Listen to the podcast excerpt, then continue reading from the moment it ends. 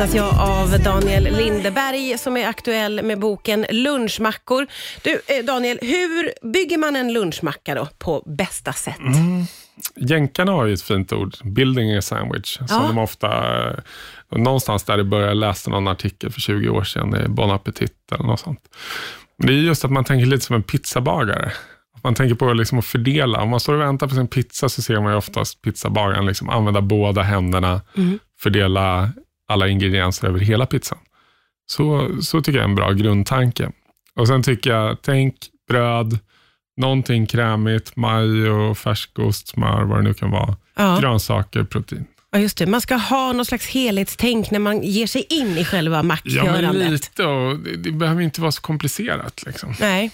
Och sen eh, nästan allt blir lite godare om det är chili i, i någon form. Liksom. Ja, nästan det. alla har, tror jag nu för tiden, har någon form av hot sauce eller sriracha eller färsk chili. Liksom. Ja. Det där är ju, för, för oss som inte är helt hemma i köket, så är just smaksättningen det svåraste ofta Ja, men det kanske är det svåra. Men där kan man också bara tänka, bara se vilken, vi pratar om Instagram och sådär, att man ser någonting som man tycker verkar gott. Nästan allting går ju att göra om till en macka, precis som Ja. en macka går att göra om åt andra hållet. Ja. Det bygger egentligen bara på goda grejer. ja, just det. Vad är det som gör en macka till den perfekta lunchen då, tycker du?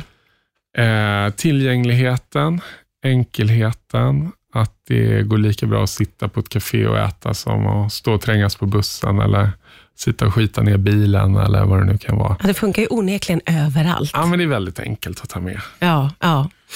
Men du, eh, jag tänker att brödet blir väldigt viktigt när vi pratar mackor. Är det Mm. så?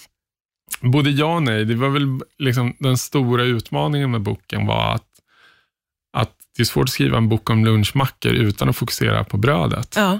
Och samtidigt är det väldigt lätt för mig att säga som att ha ett bageri som redan är igång. Och jag tror att om vi hade valt att lägga alla mackrecept i början, då tror jag många hade blivit skrämda, trott att det var en bakbok och så vågar man inte riktigt testa. Så jag vill väl ändå säga att man kan gå till sitt bageri, man kan köpa bröd, man kan köpa tunnbröd eller tortillabröd. Det, det är inte det. viktigaste. Sen tror Man, jag... man måste inte börja med att baka själv. Man måste inte börja Nej. med att baka själv. Sen tror jag många kommer vilja testa och om man generaliserar så lär det väl vara 40 plus män som har nördat in på att baka. Fortsatt känns det fortfarande som det är de som håller på med sina surdegar Yes. och de kommer säkerligen eh, ge sig på att baka. Sen tror jag att man kommer vilja baka fler gånger. Folk gillar att baka hemma. Ja, men, och det är ju underbart, men jag gillar också i din bok att det är alla möjliga sorters bröd. För du använder Mm. dig av hamburgerbröd och du använder dig av pita. Alltså det är alla Mm. möjliga sorter, så det behöver inte vara så himla fyrkantigt heller där. Nej, och framförallt liksom ta lite det man har. Och sen, sen tycker jag, var kaxig har middagsgäster en fredag. Liksom. Laga en, en, en god macka, lägg lite tid på det och så öppna en uh, flaska gott rödvin. Liksom. Ja, det, är, ja. det är kaxigt och vågat att servera en macka till fredagsmiddag. Liksom. Och med det sagt så måste vi ju prata om supermackan, tänker jag. Det gör vi om en stund här på Rix FM. Riks FM. Riks FM. Det är Daniel Lindeberg som är här och gästar aktuell med boken Lunchmackor. Och det, det, det är en väldigt, väldigt härlig bok att bläddra i. Man blir väldigt glad och inspirerad. Härligt. Eh, och det finns ju allt möjligt. Eh, bland annat så har du ju eh, recept på supermackan. Mm. Vad är supermackan? Su- Supermackan är fransk eh, klassisk överlyx. Det är överlyx. Ja, men vi, det var en sån grej vi gjorde på bageriet när vi firade ett år i vår nya lokal. Så tänkte jag vi måste göra någonting kul. Och då, anklever kan ju vara lite kontroversiellt, men anklever, sidfläsk, pillinser, tryffel, egentligen allt sånt klassiskt franskt gott. Ja. Stoppar vi en macka Ja. och det blev uh, supersuccé. Och sen har vi gjort den någon gång vid vissa få tillfällen. Ja, för det är en väldigt, väldigt, väldigt, väldigt lyxig. Väldigt lyxig Macka. macka. och kanske en macka som kräver lite mer framförhållning och eh, just det.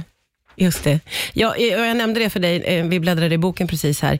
Jag har fastnat för väldigt många av de här goda eh, mackrecepten. Men det finns ett recept som heter Svensk sommar, som också dels var... Alltså jag, direkt fick jag sommarkänsla när jag läste receptet. Och Det är också väldigt så här, jaha, kan man göra så här? ja. Och det, det är väl lite så, inspiration behöver ju inte vara så mycket svårare än så.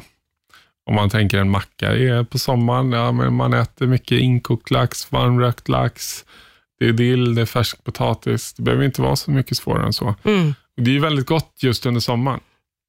Sen kanske man inte vill äta det under hösten. Nej men precis, det är, precis, för det finns ju också en julmacka, nu minns jag inte vad den heter, men Ja. det finns en Det julvariant. finns en julmacka som eh, är en sån eh, klassiker som vi brukar göra och framför allt att man kan lägga grilleringen på brödet man bakar. Så Ja, slipper man liksom att grilleringen åker av. Ja, För det är ganska frustrerande med julskinka. ja Man verkligen. lägger en massa tid på att grillera den här skinkan och sen står alla och skivar den där. Så flyger den av. Det mesta av grilleringen lossnar. Liksom.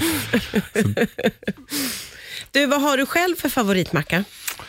Jag vet inte. Det varierar, men jag skulle säga, jag, precis som många av våra kunder, älskar väl allting som har eh, asiatisk touch. Om Mm. man tar lilla, lilla, lilla världsdelen Asien Ja. med koriander, hetta, fisksås, allt sånt är gott. Vilken är den godaste macka du någonsin har ätit? Oj.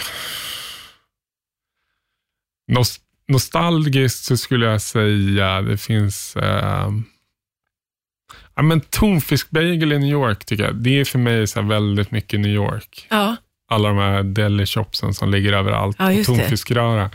Det är också en sån, tonfiskmackan är en sån grej som är också så busenkelt. Har, man kan ha en tonfiskburk hemma och det är, det är bara gott. Liksom. Ja, ja, det är bara gott. Det är, bara- faktiskt det det. är bara gott. Tonfiskmacka, det är bara gott. Det är bara gott. Ja, det är det verkligen. Så det är väl, eh, men sen tycker jag det är kul, om man är i Paris eller sådär, så är det fantastiskt att käka en baguette med fransk skinka. Liksom. Det Mm. är, men för mig så handlar det lite, man önskar att man hade tid att resa mer än vad man har. Ja, Så för mig så är det liksom med lunchmackorna så kommer inspirationen ganska mycket för, från att man kan resa lite mentalt. liksom. ja just det. Ja, ja Om man verkligen. hämtar inspiration från Japan och tänker sushi, ja men då blir det en Tokyo-macka och så skriver man Tokyo så kommer alla liksom så här, ah, sushi gott. Liksom. Ja. Förenklat. Ja, men inte, underbart. inte stöta någon. Nej, men det är ett underbart tänk faktiskt. Och det är en väldigt underbar bok som heter Lunchmackor, Daniel Lindeberg. Tack så jättemycket för att du kom hit idag. Tack så jättemycket.